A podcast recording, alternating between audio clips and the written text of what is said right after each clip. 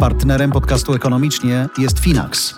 Finax łączy moc technologii i ludzkie podejście do inwestowania. Zapraszamy na finax.pl. I pamiętaj, inwestowanie wiąże się z ryzykiem.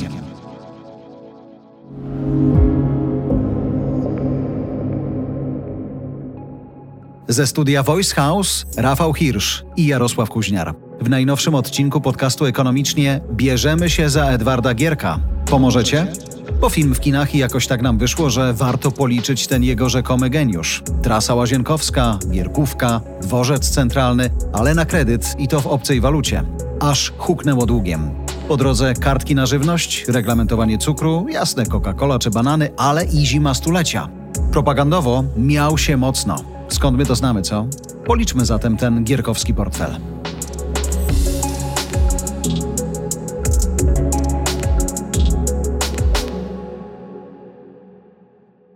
Chciałbyś się cofnąć do czasów pana Edwarda? Popatrzeć, jak to było, jak wyglądały wtedy półki sklepowe, jak radził sobie Górnośląski Okręg Gospodarczy, czy jak on się tam nazywał, czy nie? Nie.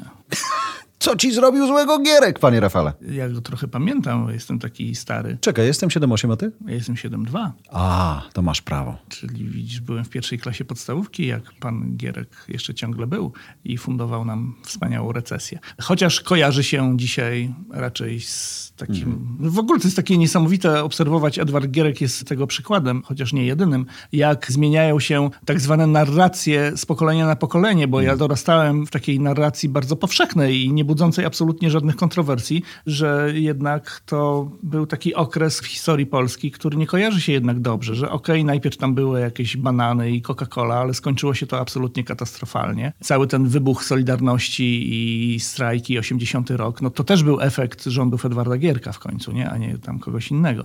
Więc przez wiele lat jednak Edward Gierek, może jakby go porównywać z innymi przywódcami PRL-u, nie wiem, z Wojciechem Jaruzelskim, to może w takim porównaniu by wygrywał, tak? Ale to nie znaczy, że to była jakaś pozytywna postać, która miała jakiś pozytywny wpływ na, na życie Polaków wtedy. A teraz powstają Filmy filmy, i mam wrażenie, że on się taki zrobił, taki troszeczkę trend. No ale zobacz, W krótkim czasie Polska stała się silniejsza, a Polakom zaczęło żyć się lepiej. I jest to fakt niepodważalny, którego nie kwestionuje nikt, nawet nasi wrogowie. Musimy usuwać przeszkody i rozwiązać wiele złożonych spraw. Jedną z takich trudnych spraw stanowi polityka cen. Jest ona obecnie żywo i szeroko dyskutowana w naszym kraju. Postanowiliśmy poddać tę sprawę pod konsultację społeczną. Chociaż każdy rozumie, że konsultacja w sprawie zmiany cen nie jest rzeczą prostą. Grozi bowiem, jak wszyscy wiedzą, niepokojami na rynku i wykupywaniem towarów. Ja 7-8 myślę sobie gierkówka, więc ten facet pozwolił ludziom z Warszawy dojechać w miarę dynamicznie na Śląsk, Tak, gierkówką. I, tak, i takie argumenty, powiem szczerze, ci najbardziej mnie bawią właśnie, że wow, jaki to był fajny przywódca, No genialny, zbudował drogę. Tak, ale dwupasmową. Nikt inny tego nie zrobił wtedy, nie? Zbudował rafinerię gdańską, którą właśnie prezes Sprzedaliśmy. Obajtek sprzedaje, tak? Zbudował dworzec centralny w Warszawie, no. cała masa różnych dużych inwestycji wtedy była, tak. Ale sorry, czy to jest coś nadzwyczajnego? Oczywiście, kto inny niż on by to robił? No nie, przekonałem nie, cię? Nie wiem. No dobra, potrzebny był nam dworzec, zobacz, uznał, że jest potrzebny, zbudował. Droga potrzebna na Śląsk, zbudował. I teraz No pytanie... wiesz, w PRL-u generalnie zbudowano bardzo wiele różnych szkół, No. teatrów. To jest taki argument, że patrzcie, minęło 40 lat i coś się działo. wow. W No, sumie, ale to nie, wiem, to... czyli to dobra, to obalasz, obal... Czy, czy, czy alternatywą jest to, że nikt by nie zbudował żadnej szkoły? Albo żadnej drogi. No to dlaczego- jakieś państwa, w których nie zbudowano żadnej drogi? Afrykańskich trochę tak. Nawet na Syberii trochę bym znał. Edward Gierek był świetny, bo dzięki niemu nie czuliśmy się tak, jakbyśmy byli państwem afrykańskim. Tak, dokładnie. No dobra, to To powiedz... jest takie troszeczkę tutaj, jesteśmy tacy nieuprzejmi wobec państw afrykańskich, bo postrzegamy je jako gorsze od europejskich, a to Nie, pytałeś, czy są kraje, gdzie nie ma dróg, więc tam znam. państw afrykańskich mogą mieć inne zdanie akurat i należy je szanować. Natomiast wiesz, to jest takie Hmm. no, mocno naciągane, że Gierek był taki fajny, bo zbudował gierkówkę. No. No dobra, to zapytam To inaczej. jaki wspaniały był Donald Tusk, który zbudował A2, A4 i zaczął budować A1. Nie, nie, nie, nie, nie, nie wracaj do Tuska i broń Boże nie zestawiaj go z panem Ile Edwardem. rzeczy Mateusz Morawiecki teraz buduje. O, To, jest wielokrotność Edwarda Gierka. Aż wstanę, razie. bo jak mówisz Morawiecki, to aż się chce wstać, żeby podziękować. Ale zapytam inaczej i trochę przewrotnie. Co w takim razie spieprzył Gierek, że uważasz, że nie należy go wielbić? O, i tutaj proszę bardzo, rozwijamy się. Wiesz co, ja sobie zrobiłem notatki. No, bardzo cię proszę. że będziemy rozmawiać o Edwardzie Gierku. Edward Gierek rządził 10 lat, od 70 do 80 Tak, roku. dziesięciolatka. I, mu- I on się kojarzy z tym, że to był taki okres szybkiego rozwoju gospodarczego, który to rozwój niestety był na kredyt i ten kredyt był w dolarach i niestety, nie z naszej winy, tak się wypadki na świecie potoczyły. Był szok naftowy i wybuchła inflacja w Stanach Zjednoczonych.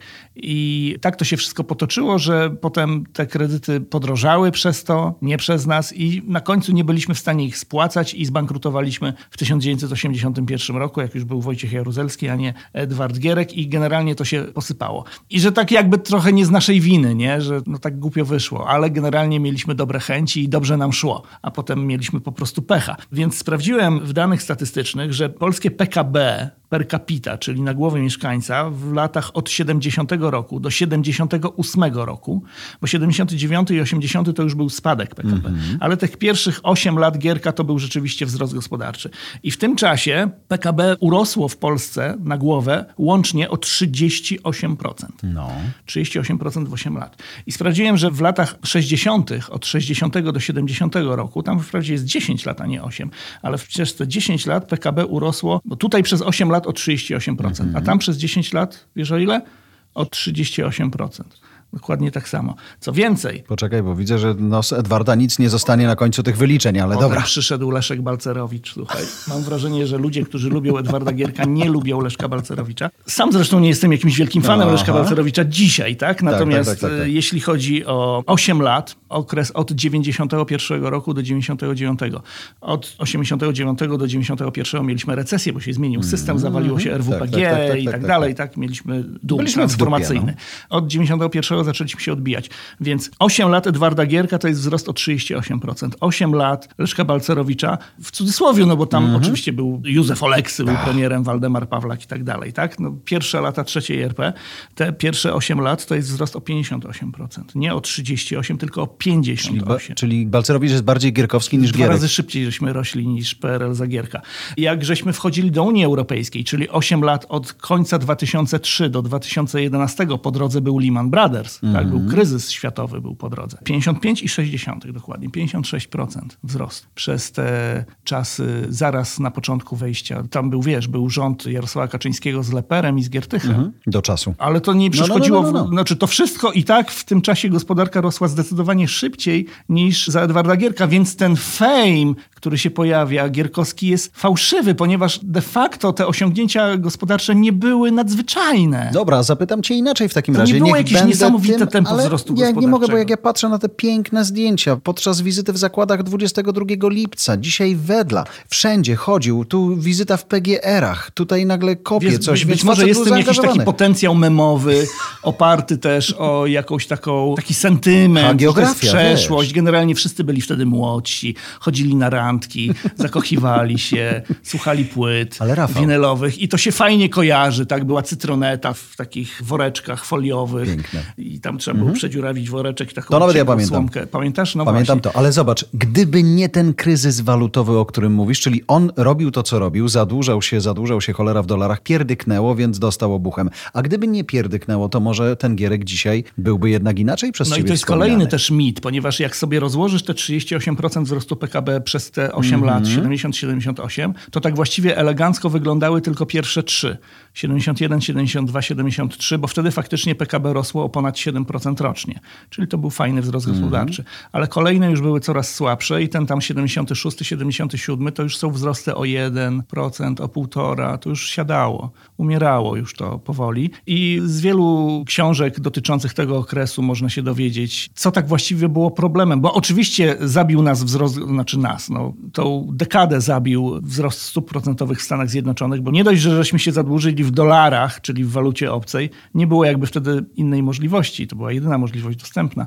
To jeszcze zadłużyliśmy się nie emitując obligacje tak jak dzisiaj na swoich własnych warunkach, tylko biorąc kredyt z amerykańskiego banku, który jeszcze miał do tego zmienną stopę procentową, a nie stałą. Czyli Polska w tym momencie została wystawiona na ryzyko tego, że jak się coś złego stanie w gospodarce amerykańskiej, to my też oberwiemy. Oczywiście zakładam, że w 70 roku nikt sobie nie wyobrażał tego, że trzy lata później będzie wielki kryzys naftowy obejmujący cały świat i że będzie stagflacja i wysoka inflacja i że pod koniec lat 70. stopy procentowe w Stanach będą sięgać 20%.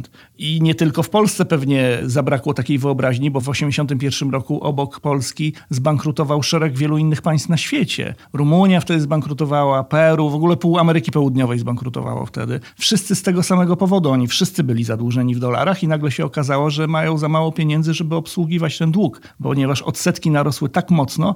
Wtedy te państwa miały do wyboru albo przestać obsługiwać to zadłużenie i po prostu powiedzieć, OK, bankrutujemy. Błagamy, umóżcie. Tak właściwie to sformułowanie bankrutujemy brzmi straszliwie, ale tak właściwie to nie oznacza jakiegoś końca świata tak, dla gospodarki. Oczywiście to oznacza, że ta gospodarka będzie mieć potem problem, żeby wziąć kolejne pożyczki. Natomiast alternatywą, gdyby się trzymać kurczowo obsługiwania tego zadłużenia, alternatywą byłoby znaczące pogorszenie sytuacji ludzi w tym państwie, bo tym ludziom trzeba by było zabierać wtedy wszystko tak właściwie. Tak? Więc z punktu widzenia kogoś, kto rządzi, wszystko jedno jakim państwem, często decyzja o tym, żeby zbankrutować jest łatwiejsza do podjęcia i jest de facto mniejszym złem wobec tych wszystkich obywateli.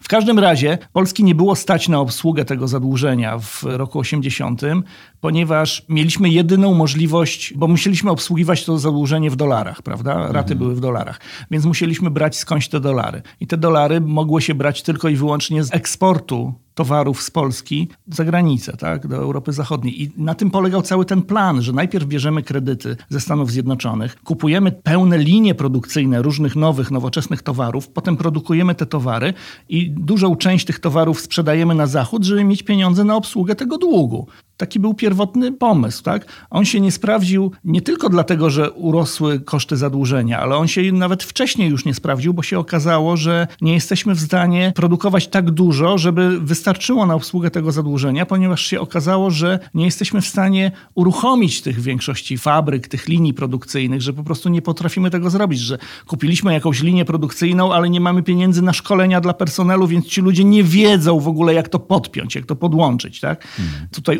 upraszczam, ale tak właściwie niewiele upraszczam. Z tego, co czytałem, takie rzeczy były nagminne wtedy, tak? Że kupiono jakieś niesamowicie drogie urządzenia i one stały zapakowane w folię i nikt z nimi nic nie robił, bo nikt nie wiedział, jak to zrobić. Więc padliśmy ofiarą jakby złego zarządzania państwem i słabości polskich instytucji i tego, że wiesz, robimy wszystko na hura i propagandowo to wszystko świetnie wygląda, ale potem tak naprawdę nie ma z tego żadnej korzyści, ponieważ nie potrafimy, mamy za mało wiedzy i za mało umiejętności i nie potrafimy wyciągnąć tych korzyści. Więc myśmy nie zdążyli zarobić dzięki tym inwestycjom na to, żeby potem obsługiwać zadłużenie związane z tymi inwestycjami, więc to się pewnie by i tak posypało potem, tylko że może parę lat później albo może jakoś wyglądałoby to troszeczkę bardziej delikatnie, tak? A tak to było tak, jak było. No, wiemy, ale po drodze zima stulecia. Same no, zima kłody pod nogami Jedwarda. To nie rozgrzesza? Czytałem taką ciekawą książkę kiedyś o strajkach sierpniowych z 80 roku w Stoczni Gdańskiej, o tym, dlaczego w ogóle one wybuchły, jak to się działo,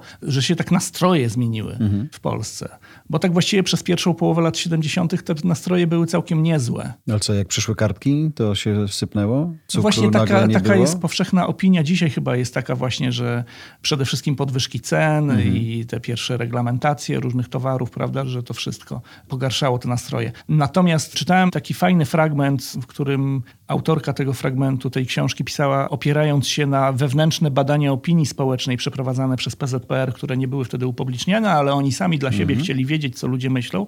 I z tych badań wynikało, że, że przez większość lat 70. utrzymywało się jakieś takie w miarę stabilne poparcie dla PZPR. Takie, że gdyby zrobić otwarte, wolne wybory w Polsce, to oni, no może by ich nie wygrali, ale mieliby te swoje tam, nie Wstydu wiem... by nie było. 30% by tam swoje pewnie mieli, coś w tym stylu. Natomiast to się załamało kompletnie po zimie stulecia właśnie, która była na przełomie 78-79, ponieważ, no, nie wiem, czy wszyscy pamiętają, o co chodziło. No po prostu przyszła bardzo ostra zima, załamał się system energetyczny w Polsce. Znaczy nie było ogrzewania. Ludzie przez miesiąc, nie tam 2-3 dni, tak jak dzisiaj czasami się mm. zdarzy, jak jest jakiś kataklizm. Ludzie przez miesiąc, czy tam przez dwa miesiące mieszkali w blokach z temperaturą 7-8 stopni w mieszkaniu, ponieważ jak przyjeżdżał węgiel ze Śląska do elektrowni, kiedyś zwiedzałem elektrownię Siekierki i tam facet, który jeszcze chyba pamiętał te czasy, opowiadał jak to było właśnie w tej zimie stulecia, że przyjeżdżał węgiel wagonami i był taki mróz, że nie dało się tego węgla wyładować z tych wagonów, ponieważ on był przymarznięty i że palili ogniska pod tymi wagonami, żeby ten węgiel odmarzł i był taki mróz, że te ogniska nic nie dawały. On był dalej zamarznięty i w końcu partia, Edward Gierek, czyli skierował wojsko do rozwiązania sytuacji i wojsko rozwalało te wagony granatami podobno. Wow. I jak ten granat wybuchał, to ten wagon się rozpadał na części, po czym, po czym do tych części ten węgiel był dalej przymarznięty.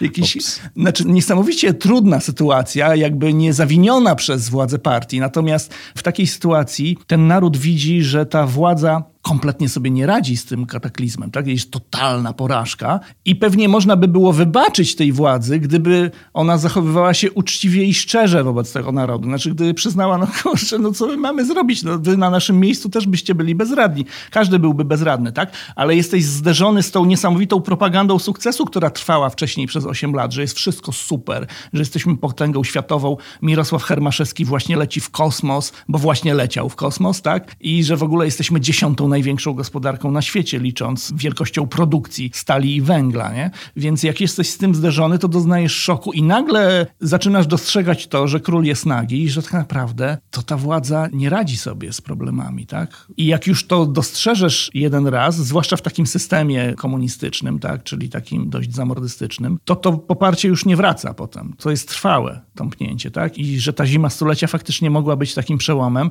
No i potem minęło kilkanaście kolejnych miesięcy, jak się okazało, że trzeba wprowadzać kolejne dodatkowe restrykcje w gospodarce. Wprowadzasz je po to, żeby zarobić na obsługę tego zadłużenia, mm. które cały czas rośnie, tak? Czyli musisz wprowadzać podwyżki cen w sklepach albo narzucać ludziom kolejne nadgodziny, za które nie płacisz ekstra. To też jest taki jakby mniej znany problem, który był ogromnie ważny pod koniec lat 70., że ludzie musieli coraz więcej pracować, nikt im za to nie płacił. Nie płacił ekstra. W tej książce o Stoczni Gdańskiej właśnie jest wspomniane, że tak właściwie tam to był ogromny zakład pracy, tam pracowało kilkanaście tysięcy ludzi i najczęściej to byli chłopacy, którzy przyjeżdżali do Gdańska z okolicznych wiosek. Mieli tam, nie wiem, po 18-19 lat, zaraz po zawodówkach zaczynali pracę. No i okej, okay, zaczynasz pracę, zarabiasz mało i mieszkasz w hotelu robotniczym, w którym masz jedną toaletę na piętro i jesteś w dość podłych warunkach, tak? Po czym mija 8 lat, już nie masz 20 lat, tylko masz 28, tak? Już się żenisz w tym momencie tak naprawdę i dalej mieszkasz w tym hotelu robotniczym i dalej masz ten kibel jeden na całe piętro i tak właściwie nic się nie zmienia, a obok dudnić ta propaganda, tak, mm. że jest super, a potem przychodzi zima i w ogóle masz zimno w mieszkaniu przez dwa miesiące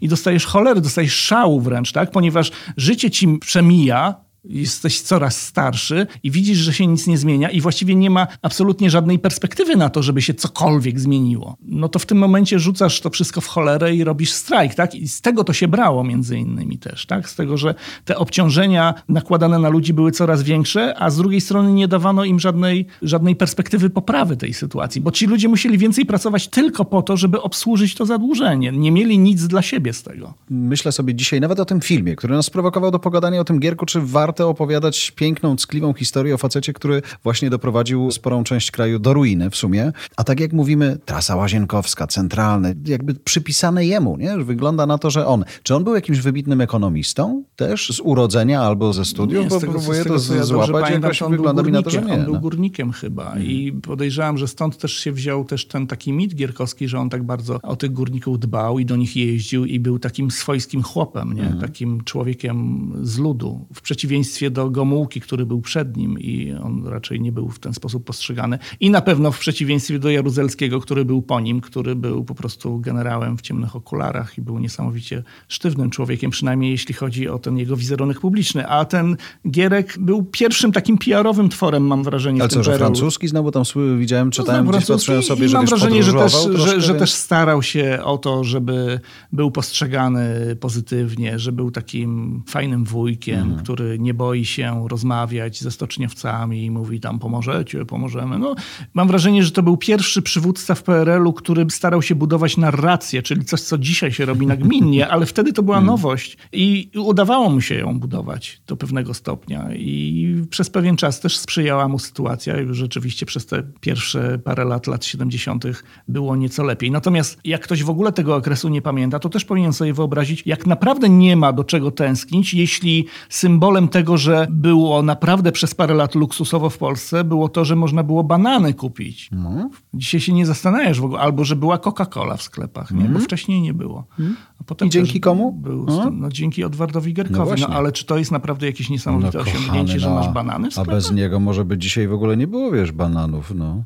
Musiałbyś czekać na nie albo liczyć, że ktoś ci z zagranicy wyśle. No a tak on przetarł szlak bananom do Polski. Coca-Cola wlała się do Polski dzięki niemu. No. Wiesz, można, mo, no tak, nie, no, możliwe. Przyzwyczaił nasze podniebienia do tych Możliwe- cudów. Możliwe, że tak, możliwe, że masz rację. Natomiast tak na serio zastanawiając się, dlaczego mu nie wyszło, można bronić go tym, że tak właściwie to była wina nie osobiście Edwarda Gierka, tylko tego systemu. I w tym systemie każdy by skończył tak jak Edward Gierek, ponieważ nie było wtedy gospodarki rynkowej, nie było tej różnorodności gospodarki, która tak świetnie nas broni od 30 lat przed różnymi recesjami i kryzysami. Mamy niesamowicie zdywersyfikowaną gospodarkę pełną milionów różnych firm, które robią miliony różnych rzeczy i nawet jak w nas jakiś tam kryzys w jedną część gospodarki, to ta druga pociągnie lepiej i wychodzimy. Jesteśmy niesamowicie zrównoważeni pod tym względem, a w latach 70. to jednak była gospodarka centralnie zarządzana. Oczywiście były te inwestycje, o których mówimy, ale to właśnie był przemysł ciężki, ogromny, jakieś tam zjednoczenia przemysłowe, to był głównie właśnie przemysł.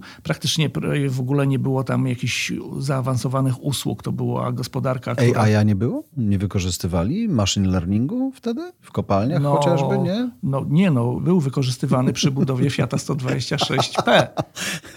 Ale Ma, dobra. Malucha, to na pewno Rozumiem, był że machine on- learning. Nie chodzi, chodzi o to, że po prostu decyzje w tej gospodarce były zdecydowanie bardziej skoncentrowane w jednym ręku, czy tam nie w jednym, no ale Mhm. No, no, no, no. to jakaś tam wąska Komitetu. grupa tym zarządzała i jeśli ta grupa podejmowała złe decyzje, a tak się stało, że podejmowała złe decyzje, to to natychmiast wpływało na całą gospodarkę, tak? Tam nie było tej dywersyfikacji Ale właśnie. to a tak? propos złych decyzji, dało się nie wziąć tego kredytu na Zachodzie? Czy jak to jest? No bo rozumiem, że tu wewnątrz naszej gospodarki kasy nie było dość, skoro chcieliśmy się rozwijać i budować te wszystkie łazienkowskie trasy. Nie, no pewnie, że można było nie brać tego kredytu, ale ja akurat, to się łatwo mówi No po latach, tak. Kto mógł przypuszczać w 69 czy w 70 roku, że jak już nakupimy sobie tych wszystkich linii produkcyjnych, to nagle się okaże, że to państwo jest tak bardzo z kartonu i tak bardzo słabo zarządzane i tak bardzo, i ludzie, którzy podejmują decyzje są tak bardzo słabo zaopatrzeni w wiedzę, że to nie da żadnego pozytywnego efektu albo bardzo niewiele pozytywnych efektów da i wiesz, przy dobrej koniunkturze pewnie można w ten sposób ciągnąć długo, ale potem jeszcze się na naszą niekorzyść zepsuła ta koniunktura i jak już się zepsuła, to to się posypało w trzy lata. Bardzo szybko się posypało. I tak mit I Edwarda... to, jest, I to jest kwestia, czy to jest wina Edwarda Gierka, czy to nie jest wina Edwarda Gierka.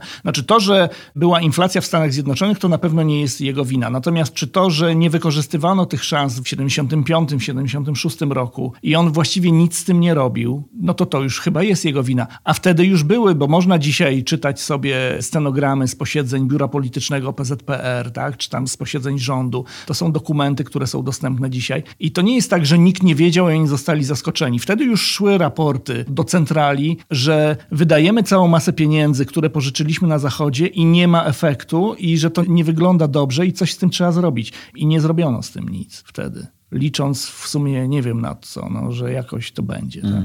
I pierdyknęło. No. W sumie nie było innego wyjścia. Szanowni fani Edwarda Gierka, widzowie być może, nie wiem czy to jest hit czy shit kinowy, bo różnie piszą.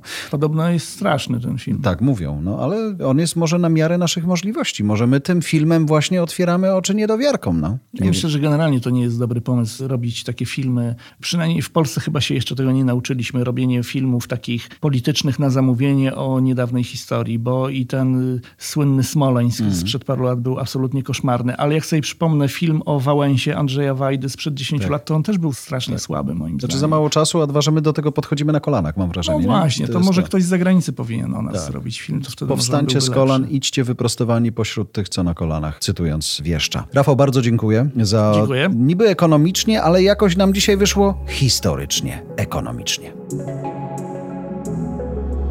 Dziękujemy za Twoją uwagę. Ale zanim się rozłączysz albo posłuchasz kolejnego odcinka, mam prośbę. Spotify pozwala teraz na ocenę podcastów. Jedna, dwie, trzy, cztery albo pięć gwiazdek. Bądźcie z nami szczerzy. Dziękuję.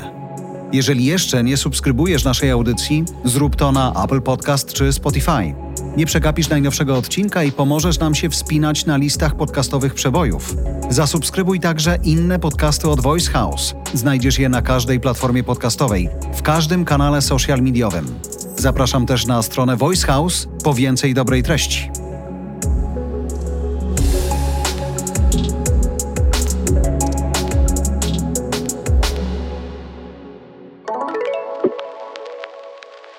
Partnerem podcastu ekonomicznie jest Finax. Finax łączy moc technologii i ludzkie podejście do inwestowania. Zapraszamy na finax.pl. I pamiętaj, inwestowanie wiąże się z ryzykiem.